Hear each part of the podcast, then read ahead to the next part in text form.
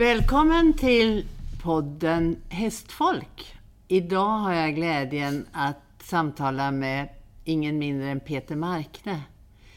Han är nog, tror jag, den enda vi har som är A-tränare både i dressyr och hoppning. Han är olympiaryttare, han är en eh, ikon när det gäller träning. Så att jag ser mycket fram emot vårt samtal idag. Så välkommen Peter Markne.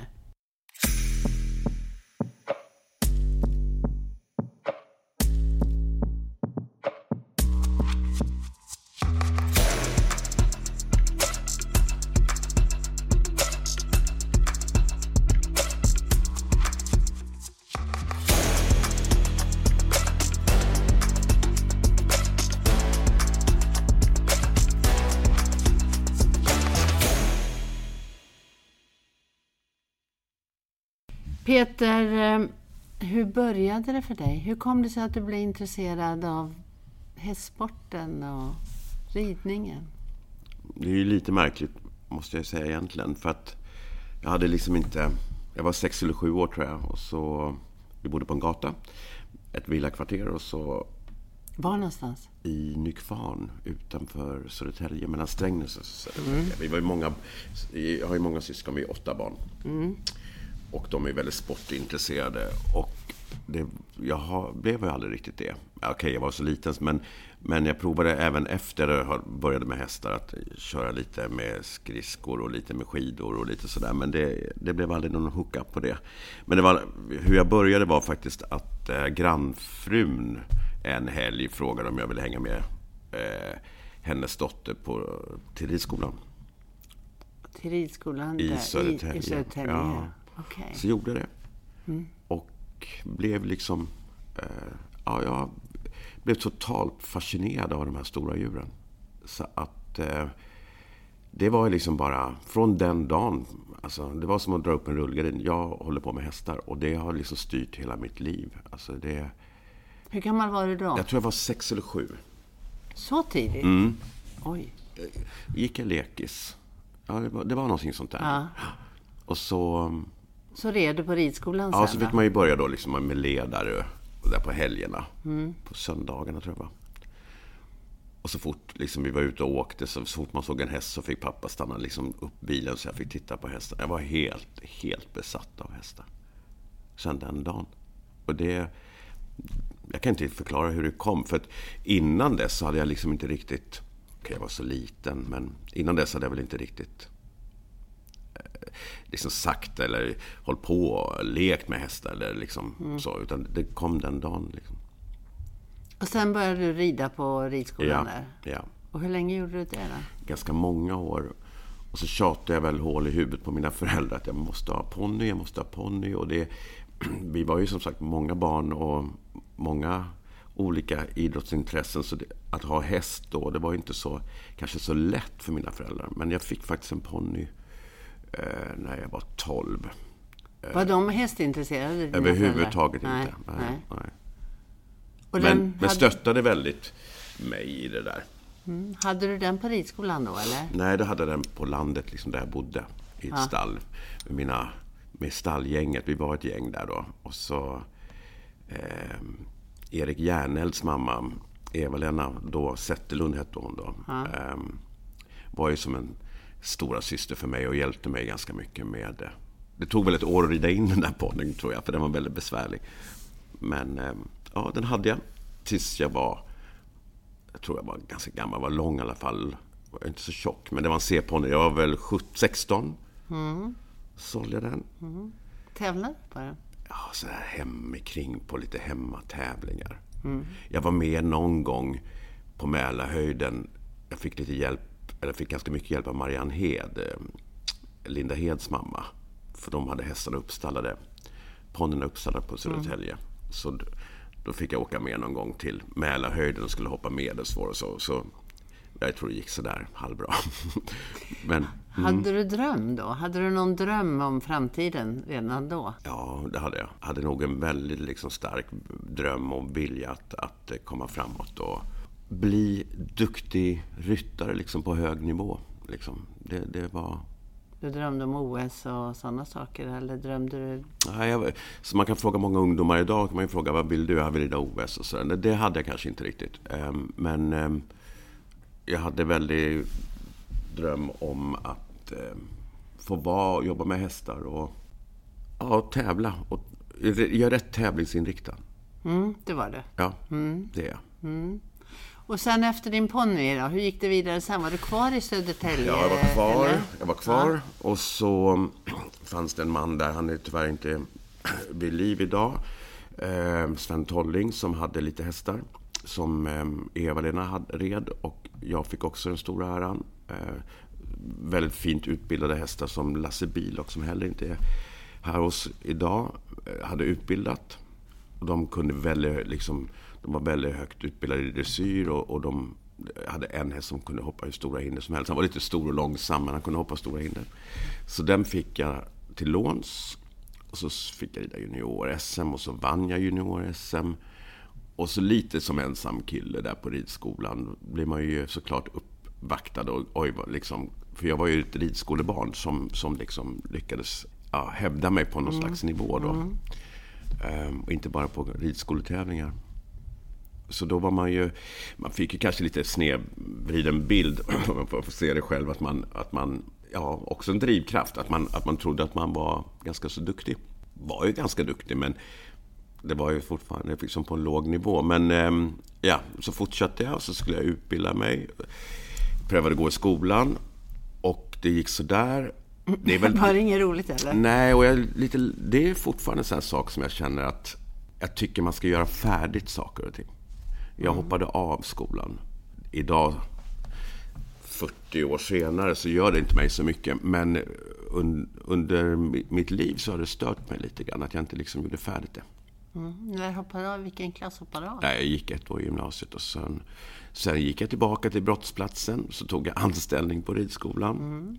Uh, och så jobbade jag väl där i 11 år tror jag. Oj, så mm. länge? Mm. Vad lärde du på den Jag tiden? tror att det var 11 år. Ja. Vad, vad, vad, tyckte du, liksom, vad lärde du dig under den tiden? Lärde mig massor.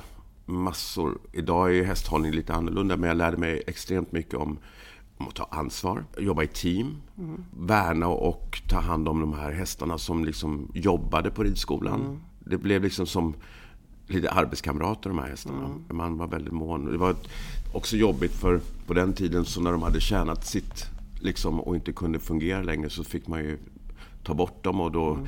ibland fick man lotten att, att vara med och göra det. Och det, man, fick, man fick se lite baskt på det där. Eller liksom, det var lite baskt tyckte jag. Det var lite tufft att vara Ja, lite så tyckte mm. jag det var. I den åldern. Mm. Men, hade, du, hade du undervisning också? Mm, ganska mycket. Mm. Eller mycket. Mm. Först som ponnyinstruktör och sen så jobbade man ju... Jag vet inte hur mycket lektioner man hade. Och jag, jag var egentligen inte så... Jag tröttnade på det där lite grann. Att stå... Jag hade trevlig tid när jag stod där, men det var liksom, jag kände att jag måste mer. Mm. Vänd snett igenom och liksom allt det här. Mm. Och jag ville mer. Mm. Och då skulle jag utbilda mig som... Och då kom jag ihåg att Lasse Bilock och jag åkte väl och gjorde en sån ridprov på Strömsholm. Mm. Och då red man runt där bland koner och hästarna var ganska pigga. Och så tänkte jag, tror jag kom in på kan det ha varit RK1 eller första eller vad är det? Men, ja, jag kommer inte riktigt ihåg. RK1. Ja, RK0 mm. gick jag och så gick jag där Valla. Mm. Just det. Ja, det gjorde du ja. det gjorde jag. Och så skulle jag fortsätta. Mm. Och så kände jag att det, jag, måste, jag måste lite mer, jag måste utmana mig lite mer. Och så tog jag väl kontakt med eh, till eh, Karsten Hook i Tyskland. Mm. Och i min lilla värld så åkte jag ju dit liksom. Jag skulle rida. Mm. men det blev ju liksom... Ja, jag fick ju rida till slut. Men eh, det blev väldigt mycket liksom... Annorlunda. Ja, och det är så roligt för att Mini, Marie, numera Haman, en väldigt, väldigt nära vän till mig. Mm. Eh, vi har fortfarande väldigt tät kontakt. Eh, hon, jag tog över efter henne. Mm. Och hon skulle åka hem en viss dag. Och jag kan inte åka hem för du kan ingenting Peter. Du kan inte linda ben, du kan ingenting. Så hon hade ett sånt ansvar för att lämna över. Men till slut så åkte hon väl hem då, i alla fall. Så tog jag över. Och det blev ganska bra till slut. Jag var inte där så många månader. Jag skulle varit här längre. hade väl hemlängtan. Men eh, fick väl möjlighet där att få en häst som eh, väldigt trevliga människor i Gnesta, Anna-Greta och Åke, köpte till mig. Av mm. Karsten Hook. För Karsten mm. Hook tyckte inte den, han tyckte den var för mycket blod och nerv och så för honom. Mm. Så fick jag köpa den. Och så åkte jag hem. Och så hade jag ganska mycket succé med den här hästen. Mm. Vad hette den? Den hette Maja. Mm. Mm. Ja, idag har man spår... Det, man kunde ha gjort mycket annorlunda. Jag hade kanske inte rätt, rätt matchning och rätt hovslag och rätt veterinär och sådär. Så att det, den succén varade inte så länge eh, med den hästen. Men, men den, den var väldigt fin. Nej, men det är väl det, man har sina lärohästar. Ja, det var en sån. Jag fick, mm. den, jag fick en häst som var lite för bra i henne, lite för tidigt mm. i mitt liv. Mm. Men eh, samtidigt är jag ju väldigt glad att jag fick det. Ja, klart. När du, hade, när du inte så småningom hade henne längre, då, vad, hur gick det vidare sen? Mm. Så knacklar man på och försöker göra det bästa. Lite, lite koka soppa på en spik av det man har och de hästar man har. Och så... Var du kvar på ridskolan då? Nej, då, då drev jag lite eget. Okej, okay. i ihop, närheten av Södertälje? Ja, eller? ihop med en kompis som heter Karin Widmalm. Så tog vi in lite hästar från Irland, ponnysar och så. Mm. Och försökte liksom få verksamheten att funka. Mm. Och det gick väl sådär. Vi var väl inte så ekonomiskt sinnade och vi var unga. Men vi prövade mm. i alla fall. Mm. Och så, tack vare Lisen Bratt mm och hennes kusin eh, Göran Furugård mm. startade han och jag ett samarbete. Ehm, han köpte en gård där vi liksom hade vår verksamhet på utanför eh, Södertälje. Där det kom in ganska fina hästar och där vi också producerade några hästar mm. som vi sålde. Och på grund av det då, lite grann, så fick jag möjlighet till... Eh, vi hade en hingst som hette Ampere som vi sålde. Mm. Och sen Guinness mm. sålde vi till Lussan. Mm. Eh, Angard sålde vi till Elisabeth Ernroth. Mm. Och så fick jag möjlighet att köpa Amiral. Då. Mm. Det var då du och jag träffades. Men, eh, ja. Och möjlighet att, att, att göra lite större tävlingar och, och ett mästerskap, OS. Då. Mm. Så.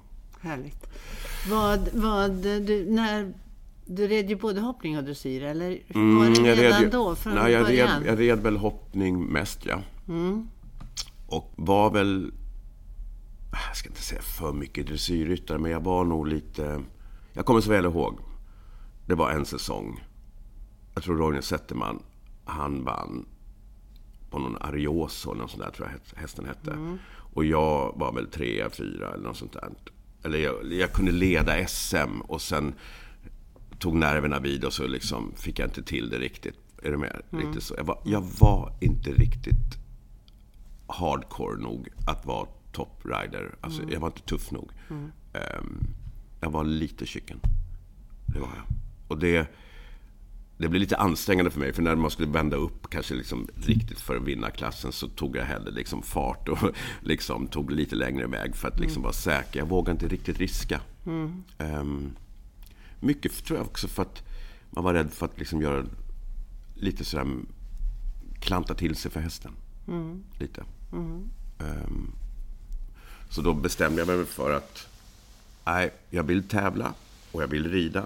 Mm. Men jag vill också framåt. Mm. Och jag kände att jag kommer vara på den här nivån om fem år igen. Mm. För jag tror att det här är liksom min begränsning. Det här är vad jag klarar. Liksom.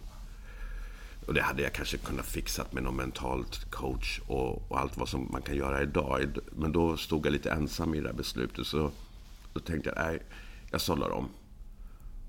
Och så fick jag ju den här Ampere. Nej, det var så det var. Ampere mm. köptes ju in, han vann ju bruksprov. Mm, just det, kommer jag ihåg. Ja, mm. och han fick ju jättehögt på hoppning. Han var superteknisk. Mm.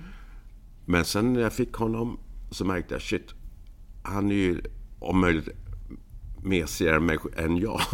Han var väldigt försiktig mm. och hade kanske inte det största hjärtat. Tro, tror jag inte han hade.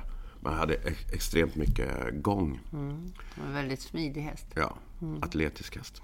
Så då, det var då jag tog beslutet faktiskt. Att äh, jag skolar om den här hästen. Och då måste jag ha bästa hjälpen. Och då ringde jag Lussan Natorste. Mm. Och det var väl så här, hon tog väl emot det så här lagom först. Men sen fick jag komma efter ett tag. Jag tjatade också där. Så kom jag där med min hoppsadel. Och jag kommer ihåg det här orangea gummityglat i Djurgården fick jag tid. Hos Hanchen Ressler där. Ja. Men sen var hon så himla söt och så hjälpte hon mig. Ja. Och sen dess har vi liksom varit friends. Härligt. Mm, så jag stod ju uppe där hos henne när jag gjorde satsningen. Då åkte jag upp på morgonen så red jag hingstarna där. Ja. Och så åkte jag och jobbade och hade träningar och sådär. Men då var vi, vad, vad, vad är vi då? Hur Ja, gammal är det, du det kan då? vara ett par år innan år 2000. Nitt- Innan Sydney? Ja, det måste det ha varit där. Ja, Kan ha varit strax innan 40 eller ja kanske. 61 idag.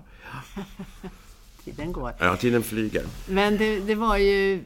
Vi kom väldigt långt fram där helt plötsligt. Ja, fram till Sydney. Ja, men det gör ingenting. Utan jag bara funderar på dessemellan då när du var... Var det Björne du var på? Eller var, Björnäs. Ja, Björnäs hette det kanske. Det var då med Göran. Furugård. Ja. Så efter det, var det då du började med att titta lite mer, tänka lite mer på dressyren? Ja. Ja, det var så ja. Ja.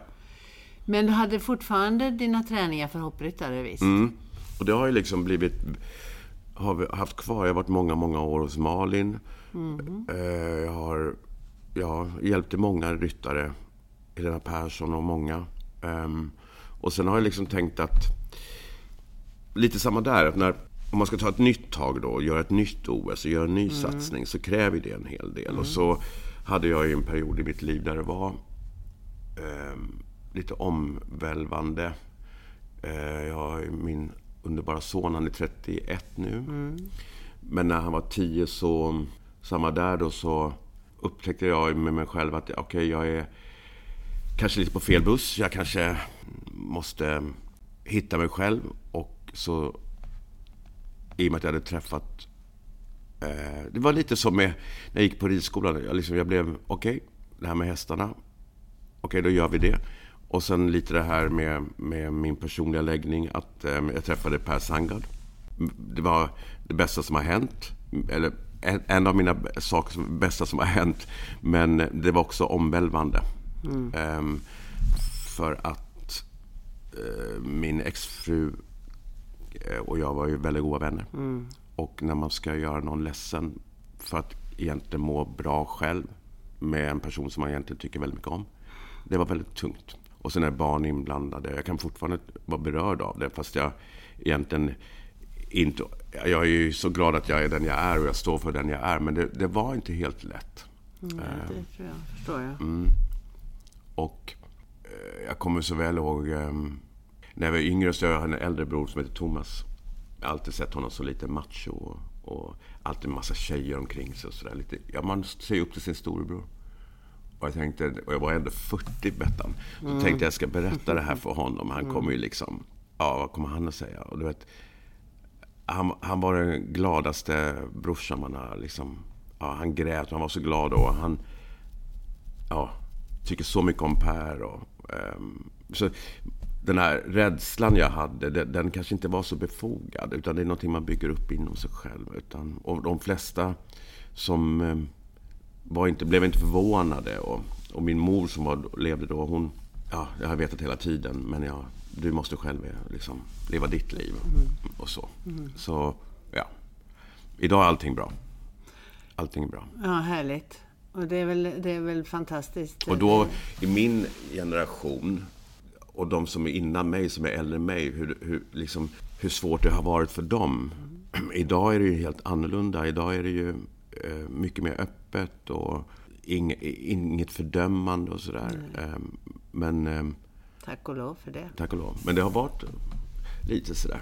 Som, Men du har väl, det kanske också om jag tänker på, du har ju alltid haft väldigt lätt för människor. mm, Och eh, känner du att efter, efter att du hade det lite tungt och Mm. innan du hade kommit till ro och sådär, känner du att du har tagit med dig mycket av det här med omtänksamhet om andra människor och kontakt med andra personer? mm. Det har du säkert alltid haft. Jag försöker se alla människor. Ehm, mycket också för att göra mitt liv intressantare. Mm. Sen ibland har man ju inte en energinivå som klarar det. Utan ibland måste man kanske bara gå förbi och säga hej då länge. Men eh, jag försöker att se det som intressant när man har olika personligheter och olika, mm. jag ska säga, mm. läggningar överhuvudtaget. Mm. Um, det behöver inte vara sexuell läggning. Det kan ju vara att man, att man bara sticker ut och är annorlunda. Mm. Och då är det lätt hänt att man säger vad är det här för märklig människa, man mm. konstig. Det är lätt att säga. Mm. Eller sätta en idiotstämpel på den där människan för att den kanske gör någonting som vi andra inte gör eller så. Och där försöker jag nog vara lite large. Um, det, är väl en väldigt, det, är väl, det är väl därför du är så duktig på olika hästar? Förmodligen för att du är intresserad ja, jag tror, jag tror lite olikheter det. kanske?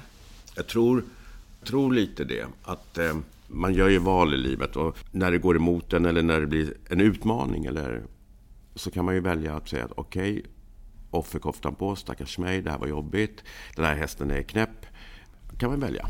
Eller också kan man välja, okej, okay, nu ska vi se hur vi kan få det här att fungera. Mm. Och sån är jag nog ganska mycket. Mm, det tror jag också. Mm. Jag tror jag är alldeles övertygad och jag mm. vet att, jag, att du är så mm. också. Ehm, jag tänker på det när, vi, när det gäller att jobba med hästar och mm. att rida och allt det här. Vilken häst, har du någon häst som har legat dig väldigt varmt om hjärtat? Är det någon häst som du har gjort ett särskilt avtryck? Ja, det är nog lilla amiralen. Mm. För han kämpade på.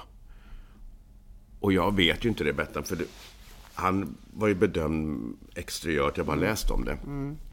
Han hade liksom alla vinklar rätt och hit och dit. Mm. Jag själv tyckte ju inte det. För jag tyckte att han hade lite konstigt kors och han hade liksom lite bakben. Och jag tyckte, mm. ja, det var mycket jag tyckte var lite speciellt med honom. I, men okej, okay, spelar ingen roll. Han har lämnat mycket bra och, och var en fantastisk individ. Men, men han hade också en... Um, han köpte inte allt. Um, och, han var jag tror inte han var så lätt att lära saker. Nu hade jag ju, kom jag ju till dukat bord. Jag, Kyra hade ju utbildat honom. Mm. Så jag hade ju bara att, vad ska jag säga, spisa efterrätten om man säger. Mm. Um, så det... Jag hade nog inte erfarenheten att klara av att utbilda en sån häst. Efter att direkt hoppat in på dressyren från hoppning, det tror jag inte. Men, men um, han ligger nog varmt om hjärtat. Därför han på något vis talade om för mig att det är inte bara det är inte bara att trycka till lite mer eller göra lite så och så, utan man måste vara lyhörd liksom lite till eh, hästen. Och att less is more lärde han mig. För att, jag vet inte om du var med då Betta, men det var i Köpenhamn. Och jag tror jag hade varit och tittat på en hopphäst i New York. Mm. Och väldigt oförberett. Hästen var nere, allting var plan. Och jag kom från New York och skulle tävla där. Och jag hoppade upp och tänkte, ja, det går som det går. Jag rider här. Mm. Och då dubbelvann eh, vi Grand Prix och Grand Prix special. Mm. Och mm. Det var med axlarna nere och inte med ja, sån anspänning och sådär. Och då, då köpte han det helt. Mm. Och var helt eh, nöjd häst. Men ibland vill man ju så det verkar. Mm. Och den hästen lärde mig att det... För så tyckte jag så här ibland, ja men nu har jag koll på det. Men han gav... Han, sen nästa diagonal så kunde han göra någonting som man tänkte, var kom det här ifrån då? Ja, det kom för att jag hade kanske frågat lite mycket där. Eller hade inte hittat balansen i. Mm. Så det lärde han mig. Mm. Härligt. Det, det hoppas jag att många lyssnar på det här nu för att det är ju en det du säger nu mm. betyder ju så himla mycket för så många hästar. Det gör det.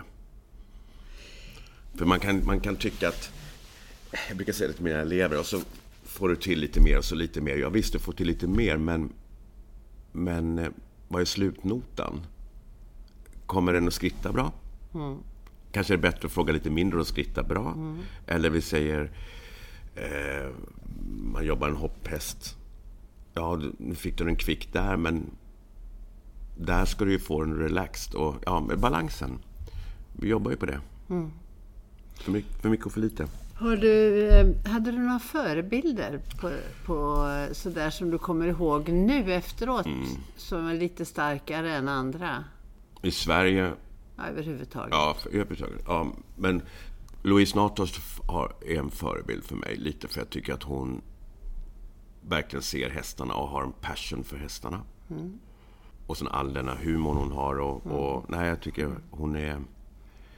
Och det är också en livlina man kan ringa till och ställa en så här lite bara rak fråga och man behöver aldrig känna sig dum. Mm. Um, jättebra. Jag tycker ju att Isabelle Wert, jag fick nöjet att vara där ett par, tre veckor och träna under många år sedan nu. Men just också hennes um, agerande med hästarna. Hon är ju nästan som en häst själv. Mm. när hon går med hästarna och han jobbar dem och när hon rider dem. Och, och lyckan liksom när hon får till kanske någonting speciellt svårt med en häst hemma och glädjen. Och hon liksom rosar hästarna och... Ja, jag vet inte. Riktig hästmänniska. Mm. Ja, det kan man ju förstå också. Hon har ju varit, varit aktiv så länge mm. och in, aldrig gett upp. Nej, och på något vis så har, har hon... Eh, såklart tävlar vi för, för, att få framgång, men jag tycker att hon, hon kan komma in med hästar som är byggda speciellt och man tänker, hur hon fått till det här? Och hon är stolt och hon rider den här mm. hästen och, och hästen gör det för henne. Och när hon... Hon berättar någon häst som var lite svår i någon piaff och sådär. Och, och hon höll på att vända på varenda sten, hon berättade. Och så sa hon faktiskt så här att Peter, hade någon sagt åt mig, om du går ut med en död katt runt kyrkan, mm. där är månsken, och går två varv runt kyrkan, så kommer allting att lösa sig. Jag lovar, jag, lovar, jag hade gått där varje natt, sa hon. För, för jag ville liksom få till det här. Men hon lyckades väl inte riktigt lösa koden kanske, jag vet inte. Men, men hon, ja, var driven av att liksom få det att fungera. Mm. Men på ett sätt som, tycker jag, är, eh, är hästens tecken. Mm. Hon är otroligt driven, men du är också väldigt driven. Mm. Hur, vad är, vad, vilken är din starkaste drivkraft? Vad är det som driver dig? Jag tror jag är nyfiken. Mm. Extremt nyfiken. Eh, inte vad folk gör och inte gör. Nej, det, det är jag inte så intresserad så av faktiskt. Mer om vi tänker hästar och sport. Mm. Så, jag, så är, jag, är jag väldigt nyfiken att... Eh, ja, jag, så länge man liksom är här på jordelivet och man håller på med det här så kan man ju faktiskt... Eh, du lär ju någonting varje dag mm. med hästarna. Mm. Du blir aldrig fullärd. Och sen är du smart nog att omge dig med människor som du vet kanske har likvärdigt know-how eller om ännu bättre lite mer know-how eh, och kunskap och erfarenhet. Så jag brukar tänka på det när man står och undervisar mycket och, och berättar och hur det ska vara och inte vara och varför och så. Det är ju saker man har lärt sig av duktiga människor. Mm. Det är ingenting jag har kokat ihop. Liksom. Mm. Och det vill jag fortsätta lära. Mm. Så då har jag nog sökt mig lite till sån, till sån... Jag tror jag har sökt mig lite till kunskapen lite. Um, men det är säkert någonting som talar till dig mer eller appellerar mer till dig än någonting annat när det gäller häst... Eh, Eh, olika, olika människor som är tränare eller ryttare. Så mm. Det är ju så man fastnar lite grann för den som man känner att här, det här tycker jag om, det här kan... Mm. Jag tror du var inne på ett spår där, med det här med att vi har ett system. Ehm, och jag tror att vi många tränare i Sverige och eh, internationellt ett klassiskt ridsystem. Mm. Ehm, där sen behöver man inte gå för mycket vänster eller höger ut i djungeln för då förlorar man liksom sitt system och sin linje. Men, men man måste samtidigt se... Ibland tycker jag att man inte ser skogen för träden. Mm. lite. Och, och det, är, nej men det, är, det är lite konstnärskap också mm. med det här. Um, vi vill en sak och vi vet en sak och så här och så här. Men ibland får vi göra avkall för att, för att få en vinst i slutändan. Mm. Vi kanske måste ha... Vi måste vara lite kreativa, vi måste tänka lite utanför boxen. Mm. Eh, måste vi göra. Um, så att man, om jag gör så här, då blir det så här. Mm. Eller om, om, man ser att ah, men det här ger ingen pay-off. Det blir snarare tvärtom. Det blir bara spänningar och hästen mår, mår inget bra och jag blir frustrerad eller eleven blir frustrerad. Men då måste man gå en annan väg. Mm. Där tror jag kanske att, jag hoppas att eleverna liksom är trygga i, i att, man, att man... Eh, för en bra tränare är väl egentligen en spegel. Och att man har ögon som man kan säga hej, det här, så här ser det ut och så här måste du göra. Och att eleven då inte tveklöst litar på en, men att, men att man har, har det förtroende bland eleverna. Att, mm. att man, eh, man ser faktiskt, man har inte rosa linser utan man, man ser faktiskt ganska nyktert och tydligt vad, vad, vad som är den springande punkten eller det stora felet. Eller varför inte lyckas, så menar jag. Ja, och att eh, som du säger att man, man behöver inte vara orolig för att säga att nej men det här fungerar inte, vi gör så här istället. Mm. Mm. Så man inte bara kör på. Nej. Och det är väl du fantastiskt duktig på, att hitta alla olika sätt så, som man kan göra och ändå Sen har väl jag kanske lite förstört, inte förstört, men ja. jag har väl kanske lite... Ehm, jag använder ju mina ord och använder mycket bilder och metaforer och mm. sådär. utan att egentligen ha gjort en grej av det, utan bara gör det. Mm. Och det kanske inte alltid är så korrekt och alltså by the book. Men många gånger så jag har nog också, jag har ju lärt mig själv mycket genom att eh, se. Eh, jag har studerat god ridning, jag har tittat och försökt förstå. Och gått hem och prövat mig för mig själv. Och, och sen, när, sen när jag sett någonting dåligt så har jag faktiskt tittat lite bort. Jag har försökt göra det. Men är inte det också att vara, vara... Man måste ju också vara kreativ. Man kan ju inte... Allting är ju inte by the book. Om, om det ska Nej. finnas, det finns ju ett system, men mm. ibland så måste man ju också se lite grann till individen. individen. Mm. Och det är väl det du beskriver, både när det mm. gäller häst och ryttare. Mm. Annars så har man ju blåst, annars blir det ju bara teknikaliteter och ja. inte känsla. Du pratar om konstnärskap mm. menar jag. Mm. Och så tänker jag ofta med ryttare. Mm. Man gör en, det lärde Lussan mig, en plus och minus lista mm. på häst och ryttare. Mm. tittar man ju igenom ganska snabbt som en erfaren tränare. Mm. Och så ser man kanske något minus som blinkar lite för mycket mm. rött. Då får du ta fatt i det. Mm. Så att du inte ödelägger några plus. Mm. Men, ehm, men annars generellt så försöker jag, jag, jag eh, med, med, elever att, att inte göra om utan bara försöka göra dem bättre i det sättet de rider. För att många gånger så om man vänder på varenda sten så tappar man till slut känslan som ryttare. Har du någon, har du någonstans du kan säga den, det tycker jag, eller något moment i en tävling, hoppning eller dressyr där du säger så här, åh, det här tycker jag, den här hoppryttaren tycker jag rider så exemplariskt eller med sån känsla eller dressyrryttaren eller alltså mm. gärna en av varje. Så att du kan, man kan liksom se lite hur, hur tänker Jag tycker Marcus Ening när han kommer där liksom med sina hästar och de och han är liksom i en jump-off och han är bara så spot on och liksom smälter ner i hästen. Och, för någonstans liksom när, när en häst, när två individer liksom, när det smälter ihop till en unit lite mm. grann. Mm. Det tycker jag att han är en sån bra bild på det. Jag tycker det är cool. Härligt. Um, Harvey Smolders tycker jag också är fint. Malin Baryard tycker jag är så fint. Mm. Jag gillar ju liksom när man, när man är lite med i, i rörelsen och inte så mycket emot rörelsen. Um, och att när man kan samla men ändå tänka framåt när man samlar och bromsar. Så mm. det inte blir det här att man tänker bakåt med hela kroppsspråket när man bromsar. Mm. Och, utan, um, det, och det hänger ihop lite grann med dressyren, hur, hur är det dressyr? Mm. Om du skulle säga någon så här uppvisning eller någon dressyrryttare tycker att ja, det här tycker jag är en, det är en bild att ha på näthinnan. Någonting du tänker på där? där? Det finns ju många naturligtvis som man kan plocka bitar ur. Mm. Men... Nu vet jag att Isabelle eh, kanske inte är den elegantaste trådsmal och elegant och, och sitter helt orörligt. Absolut inte alltid. Men jag, jag, jag tycker att hennes hästar och mycket också för att jag sett henne hemma vid. Jag tycker att de jobbar liksom från bakbenen över ryggen mm. och ut. Mm. När man ibland såg henne hemma så tänkte man ja den här ridningen skulle ju vara fantastisk på vilken hopphäst som helst. Mm. Det var, o, det var inte något tvång mellan hand och skänkel Mm. utan hästarna hade ganska långa tyglar. Långhals. Ja. Mm. Det, det är för mig... Eh, Jag tänker på eh, lite grann du tittar på, på sporten idag. Mm.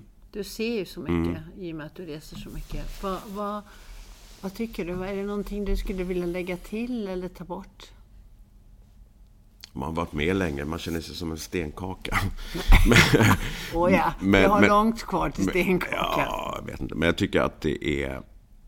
Jag tycker att utvecklingen egentligen är fantastisk. Mm. Om jag får säga vad jag, utifrån vad jag ser. Mm. Jag tycker ju att sporten har ju helt plötsligt blivit en sport. Mm. Um, det är en okej snabb sport idag. Men man, man skruvar på detaljer. Man, man, ehm, ja, man är ute och springer på morgonen. Man sitter inte i baren. Man, liksom, man, man respekterar hästen. ehm, och sin sport. Man förvaltar det på ett helt annat sätt, tycker jag. Så jag tycker att det är bara bättre. Sen är det ju alltid det där med dressyren. Nu tänk, tänkte jag på hoppningen. Dressyren. Samma där. Om jag tittar tillbaka när jag var med. Så upp, jag pratade med Nathalie, prinsessan Nathalie om det här. Och hon kanske inte riktigt höll med mig. Men jag tyckte nog att man kunde se mera olikheter när jag höll på, på framridningen, än vad man kan idag. Jag tycker nog att man...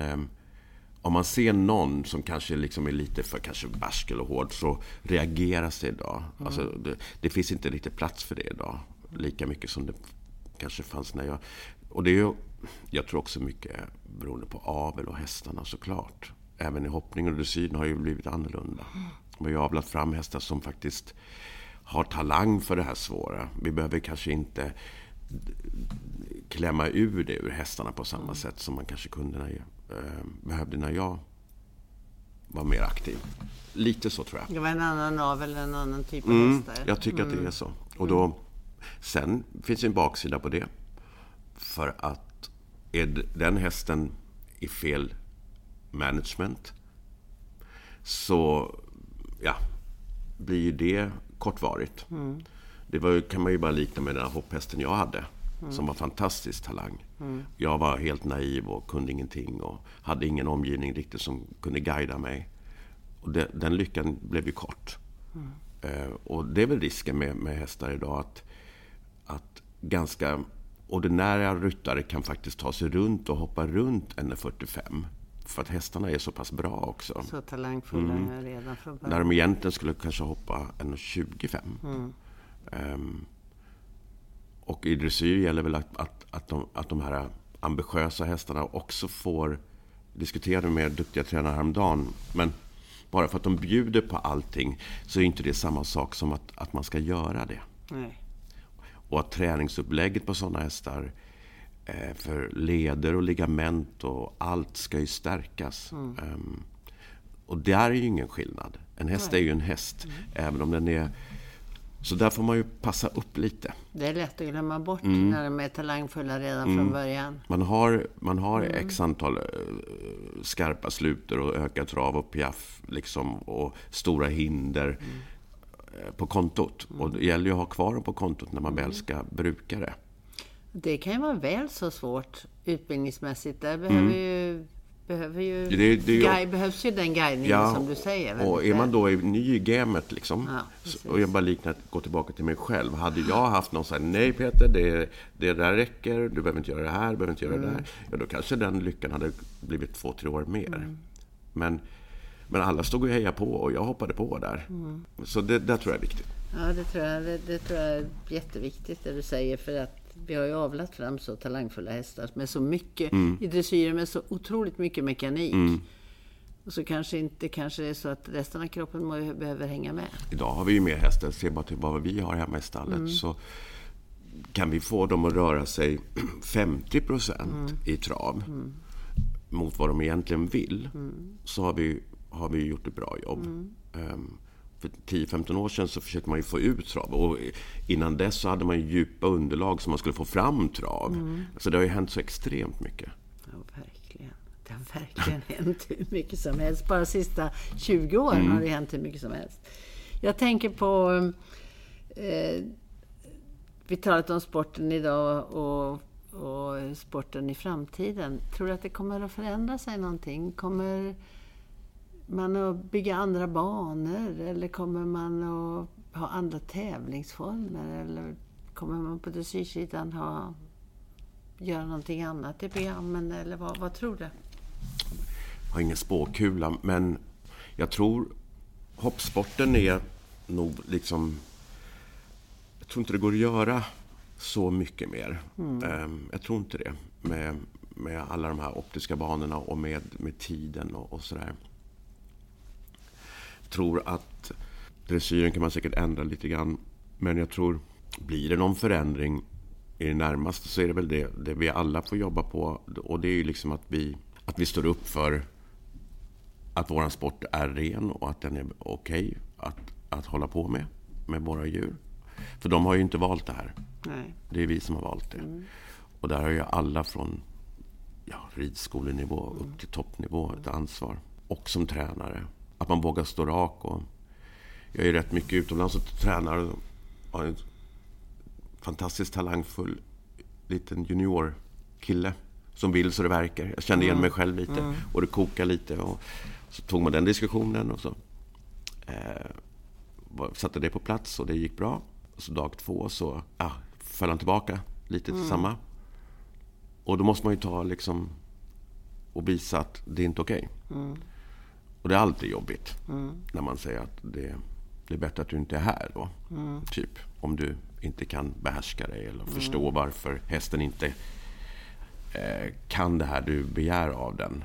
Mm. Eh, så någonstans så att man i tidig ålder förstår att det är ett tillkortakommande om man inte får till det. Och det, det ligger hos mig som sitter mm. på. Mm. Då kommer vi in på det som var min, min nästa fråga. Det är ju, berätta lite om alla dina engagemang. Och du, du har ju du är ju utomlands mycket och hjälper till på olika håll, både med hoppning och dressyr. Kan du inte berätta lite om det? Vad, vad, vad har du sett? Vad, eller vad har du, rättare sagt, vad, vad har du jobbat med? Vad tycker du är roligt? Vad har du träffat på saker som du har tänkt att det där kan jag ta med mig? Eller... Eh? Mm. Absolut. Man får ju se mycket. Du, har varit i, du är i Norge nu och innan dess har du, är du, du ibland i... Jag var i, i Stalltops fyra, fem år. Ja. Och hjälpte dem med, eh, med dressyrarbetet. Mm. Så pendlade jag ganska ofta då. Mm. Sen så... Vad lärde, vad, vad, vad lärde du dig där? Eller vad tog du med dig därifrån? Det är stort och det är mycket hästar. Mm. Eller vad lärde du dem? Var det, väl, det var det du var mm. där för. Men alltid Nej, tar men... man ju med sig någonting, något intryck eller någon rolig händelse eller något annat. Jag kommer ihåg första, första, gången, första gången jag var där körde jag fel, kommer jag ihåg, från flygplatsen. Och navigatorn tog mig fel, så jag kom lite för sent. Och det är ju liksom... Det är mitt mellannamn, höll jag på att säga, Bettan. Kvart för sent. Men i alla fall så kom jag dit och så stod alla uppradade där. Jag var lite nervös faktiskt. Allt från veterinärer till Jantops till allihopa. Men då kom jag ihåg att jag faktiskt... Eh, för då blev jag tillsagd att den hästen är sån och den måste göra sån och den måste göra sån. Och då sa jag faktiskt att... Jag sa inte så, men det, det här är ingen restaurang man bara beställer saker. Utan... utan eh, eh, det är helt okej. Okay. Jag måste få göra på mitt sätt. Och eh, är det inte vad ni vill så är det också helt okej. Okay. Eh, jag är fine med det. Men jag kan inte liksom... Det kan inte vara någon Kasperteater att, att ni rycker och jag sprattlar. Liksom, utan, mm. Och det gick fint. Um, jobbade väl mycket med att få hästarna att, att vara avspända. Liksom. Mm. Um, och att det, att det måste prioriteras. Mm. De kommer att tävla mycket, de är ute och liksom det är mycket anspänning och hästarna tar i mycket. Och de måste också få få slappna av och eh, ja, inte gå på max. Mm. Um, och hade en fantastisk kollega där som heter Willem. Som jag jobbat tätt samman med. Och, det var ett roligt samarbete. Jättekul. Mm. Sen har jag lärt mig mycket av Henk Noren. Mm. Jag tycker att han var en stor del... tittar tillbaka så tycker jag att han har en stor del i succén lite i Sverige. Mm. Eh, jag hoppas jag inte är ensam och tycker det. För jag kommer ihåg, han var många år. Och han gjorde samma sak och samma sak och samma sak och samma sak. Ehm, repetition, repetition, repetition. Och någonstans så tror jag att det gav mycket. Och det gav också en trend till Sverige att rida på ett sätt som, som idag är liksom vi är lite kända för. Mm. Peder, mm. Eckermann, Malin mm. Alltså, och alla Rolf. Alla, att vi, vi rider liksom skolat, men lätt. Mm. Um, nu gör ju många det i hela Europa, hela världen, så det är inte det. Men vi är inte kanske unika på det, men jag tycker att vi är ganska tidigt där och då ger det ringa på vattnet till andra på lite mm, lägre nivå och tränare. Ja, så, jag hör ju Norge och Schweiz, de är ju, de är ju extremt imponerade över Sverige och det ska de vara. Mm. Um, men vi är många duktiga som kan. Mm. Och uh, vi har lite ett ganska likvärdigt system. Mm. Och trendsättare, ja Malin är ju en, en extrem trendsättare. Mm. Um, det ska Sverige vara fantastiskt glada för. Och Peder också. Och ja, nu också Eckermann med all framgång. Mm. Men Malin var rätt tidig där. Ja, som ung. Hon har haft lång mm. karriär. Och hon, hon har betytt mycket för svensk hoppsport. Ja, ända sedan hon var 15 år. Ja. Där hon är i toppen. Och mm. sen... Eh, ja, Helena Persson också. Med, med, deras sätt och deras sätt att utbilda mm. hästar. Förståelse för hästar. Mm. Så var du, var du i, i Schweiz? Eller? Mm, jag, är, jag är i Schweiz. Mm. Fick frågan för ett par år sedan av Thomas Fuchs och gänget där, om jag ville komma och hjälpa alla, alla åldersgrupper då. Alltså eh, Children Junior Young Rider är 25. Mm. Så där, där är jag. Eh, sex till åtta gånger om året. Mm. Kom precis därifrån. Mm. Um, och det är också fantastiskt kul för att um, alla de ledarna där, de har ett förflutet, de har varit ganska framgångsrika. Mm. De har varit med mycket ja, där det hände. Mm. Alltså eh, stora mästerskap, tagit fram mycket hästar, varit involverade på olika sätt. Väldigt mycket kultur, väldigt mycket hästkunskap. Mm. Eh, så för mig är en av de bättre jobben jag har haft. Just för att det kollegiala är så... Det ger mig så mycket. Vad kul. Mm. De har ju så lång tradition. Mm. Fina hästar. Mm. Och en, eh, jag ska säga en disciplin, utan att det är på något sätt för kantigt och hårt, men en väldig disciplin. Mm. Föräldrarna är på läktaren, supportrar, men eh, det är liksom inte mamma, får jag dricka vatten? Mm. Och liksom mitt i ett ridpass. Mm. Vilket jag tycker är att förnärma hästen, för det är mm. hästen som jobbar. Det är väldigt mycket år, liksom, organiserat och ryttarna driver. Jag kommer ihåg, nu sist jag var här, vi skulle bygga halv åtta på morgonen. Och första gruppen började åtta. Mm. Halv åtta satt samtliga och skrittade utanför. Som skrittade en halvtimme innan de mm. gick in på träningen. Mm. De var 14-15 år. Ja. Och det var ingen som hade bett dem om det. Utan det är liksom, det är, så gör man. Mm. Eh, sånt där uppskattar jag enormt. Mm. Eh, för det gör ju att man kan tänka de här det, brukar du, det har du lärt mig. Mm. Vilka blommor ska man vattna på? och det, det är blommor man ska vattna mm. på. Och då, det ger tillbaka. Man får ju såklart betalt för sina jobb som tränare. Det vet ju alla som är tränare. Men det bästa är ju när man känner shit, den här har ju verkligen tränat sen förra gången. Ja, men det är en yrkesstolthet man har. Mm. Får man, självklart att man blir glad då. Mm. Det finns ju inget värre när det liksom går slentrian och man märker att man får pusha folk mm. till saker och ting. Mm. Det, det, det ägnar inte jag mig åt. Då går jag faktiskt, då, då får det hellre vara. Mm. Och sen har du väl varit... Har väl varit I Norge är jag I Norge, ja. Mm, många år. Bland hoppningen är fortfarande eh, engagerad i det. Och så har jag tagit, efter, jag har haft ett år nu, ett, jag fick ihop ett lag till. Dressyren är inte så stor i Norge. Men vi hade ett lag. Vi hade ett lag, Vi hade ett lag i Härning. Och det är duktiga ryttare. Mm. Och fler är på ingång och jag håller på och bygger upp. Så jag hoppas att vi kan få till att vi kan göra ett OS. Och får jag till det så det känner, då, då, har, då är mission, mission completed. Då känner jag att då, då har jag gjort, fått igång lite där. Ja, vad härligt. Mm. Det, det, är lite så här entreprenör i mig där. Då kände jag, ja det här är ju, jag fick frågan tänkte jag det här är ju inget lätt uppdrag. Men det kan ju liksom trigga igång mig lite. Okej, okay. kan jag göra en liten förändring så har jag ändå gjort en förändring. Kul, det vore mm. jätteroligt mm. och det är ju härligt att, eh, att du känner så. Var du än är förstår jag att du mm. känner så. Spelar ingen roll om det är Norge eller Schweiz Nej. eller Tyskland. Sen, sen, är jag ju här där vi sitter. Mm. Precis, vi är här. Mm. Vi är på vi... Majo Stable, ja. Just det. Fick frågan av familjen för något år sedan, lite styvt. Mm. Och då med alla de uppdrag man har så känner man, hinner jag det här? Kan jag committa mig så mm. mycket? Eh, så vi, vi, tar en testperiod och så gjorde vi det. Och eh, det, det, är ju lite skönt ändå att jobba med yngre. För att man blir ju inte äldre av att jobba med yngre.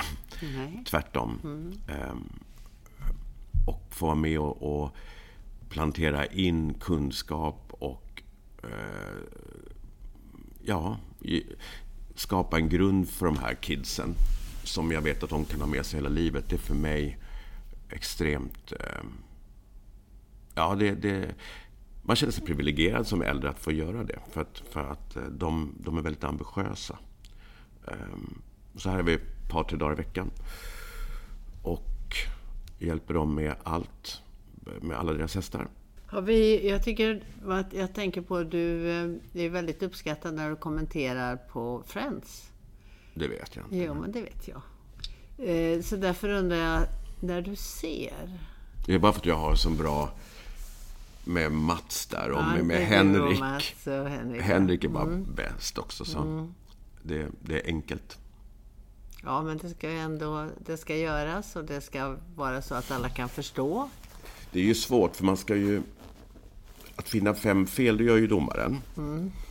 Och jag är ingen domare, utan jag kan bara se ett helhetsintryck av vad jag tycker. Um, och sen vet man själv när man kommer ut där mm. om, man har, om man har fått till det eller man har kanske haft lite problem. Mm. Um, så det gäller liksom att hitta den där balansen. Och framför allt hela tiden hålla fast i det positiva. Um, det måste vi bli bättre på i Sverige, tror jag. Och det, det, där sa du ju någonting som jag tror det gör att det är så viktigt, för du är duktig på det, att göra det. Och det tror jag är otroligt, skapar ju också förtroende hos människor, att de känner att det blir en positiv eh, atmosfär runt omkring det. Så att eh, det är alltid väldigt uppskattat. Det är om klart, du... om, du, förlåt, ja. om man gör en piaff och så går det åt helsike. Mm. Så klart som sjutton att man inte bara liksom glömmer bort det när man kommer ut. Det är ju, den som har etsat sig fast. Mm. Det fattar man ju. Men så kommer en massa... Så du skulle ha gjort det, du skulle ha gjort det, jag skulle ha gjort det. Ja, eller hur? Om om inte fanns. Det är ju inte så lätt i skarpt läge. Nej. Och det, olika saker påverkar olika saker. Um, jag tycker det är viktigt att man liksom håller fast lite i... Jag säger inte att man ska glömma bort det. Men, men, men någonstans eh, när det blir ett problem Visst kan det vara yttre påverkan, men ofta så är det ju liksom i ditt ridsystem mm. som någonstans... Du går ju tillbaka till att det är någonstans i grunden där saker och ting inte... Om hästen öppnar munnen, om den blir stressad eller vad det nu är. Ehm, det är inte bara att du är på tävling, utan ofta så har du kanske fått de här signalerna hemma, men det kanske lyser ännu starkare när du kommer till en miljö där hästen inte är riktigt trygg och så vidare. Och så, vidare. så någonstans så får man ju liksom ja, se tävlingarna lite grann. Okej, okay. resultat en sak, prestation en annan. Ja, precis. Ja. Om du inte hade gjort det här, mm -hmm. vad hade du gjort då? Jag hade nog... Jag vet inte. Vi har en stor trädgård hemma och så där går jag ju när jag väl är ledig så går jag där och luktar på mina blommor. I Danmark som du Ja, mm. men det tror jag egentligen bara är mera sådär meditativt. Liksom att, man, att man prövar att se havet och liksom vara på jorden och inte med massa folk och massa hästar. Utan man bara får tvätta hjärnan liksom lite grann. Det tror jag. Men jag hade nog, hade nog inte ogillat att, att hålla på med det lite. Med trädgård? Ja, lite tror jag. Mm. tycker det, skapandet är kul. Det är kul att liksom sätta lite växter och se hur det växer upp. Titta på, oj, två år har gått och det där trädet är sådär stort. Och och bären är så här goda och man har satt och blommorna, rosorna är så fina nu. Och jag tycker det är kul att se när det växer saker. Mm. Det är samma sak som att utbilda en häst. Det är samma sak som att vattna lite. Mm. Jag provade ju ett par år där, hade en liten butik där med inredning. Jag är intresserad av det. Och det tyckte jag var kul. Men det är fortfarande döda ting. Mm. Och det är snyggt när det är rätt ihopsatt och det är fint. Men sen är det inte mer. Mm. En, en växt växer. En, en, en ryttare och en häst kan växa. Mm. Kan också gå åt andra hållet. Men, men eh, när det lever tycker jag är... Jag har hållit på med någonting som... som ja, någonting sånt tror jag. Att skapa? Att skapa någonting. Och det ligger väl, det ligger väl förmodligen i hela din, ditt väsen vad du än gör. Mm. Problemet för mig är väl att man har, när man är en sån person så är det lätt att skapa igång saker. Ehm, och så ska man fullfölja det också. Ehm, och det har inte varit min starka gren. Men ehm, samtidigt om du inte prövar. Jag vill inte dö nyfiken. Utan jag har prövat lite saker och jag är glad för det. För det har gjort till den personen jag är idag, tror jag. Mm. Faktiskt. Mm. Men det är så är det säkert. Och har du någon sån där riktigt tanke, du tänker så här, gud det var roligt. Vad, vad, är det, om du skulle försöka säga, vad är det roligaste du har gjort i din... Av allt vad du har gjort? Det roligaste? Ja, finns det någon sån här sak som har hänt som du ser, den är helt galen? Den var tokig. Oh, så mycket tokigt. Så. Nej, men jag tror mer många sådana här små ögonblick tillsammans med ryttarkollegor och, och man har varit på tävlingar och det har hänt saker och man har trampat lite i... Ja, inte skiter i blå skåpet, men man har väl kanske liksom ibland gjort bort sig och sagt saker och, och det, ja, det blivit tokigt och man har skrattat åt det och sådär. Det är mer sådana saker. Men någon extremt stor grej vet jag inte riktigt. Um, Nej, men det är väl härligt bara... Jag, bara, jag tror att humor... Humor är viktigt. Ja, jag har nog ganska mycket humor. Mm. Och eh, ibland så kan jag ju bli extremt med visst sällskap. Det är inte många, men det är några stycken här som, som känner säkert igen det. Men det kan ju bli otroligt flamsigt. Mm. Men, men också, också, också, extremt befriande att få skratta. Mm. Jonas här, som äger gården ihop med Marie, han mm. har extremt mycket humor och kan skratta sådär hjärtligt. Och bara att man skrattar ihop, det är ju... Jag tror det är jätteviktigt. Jag tycker det var jättefina slutord egentligen. För det, det är ju ett, ett jobb som tar ganska mycket tid och mycket energi. Och, ja.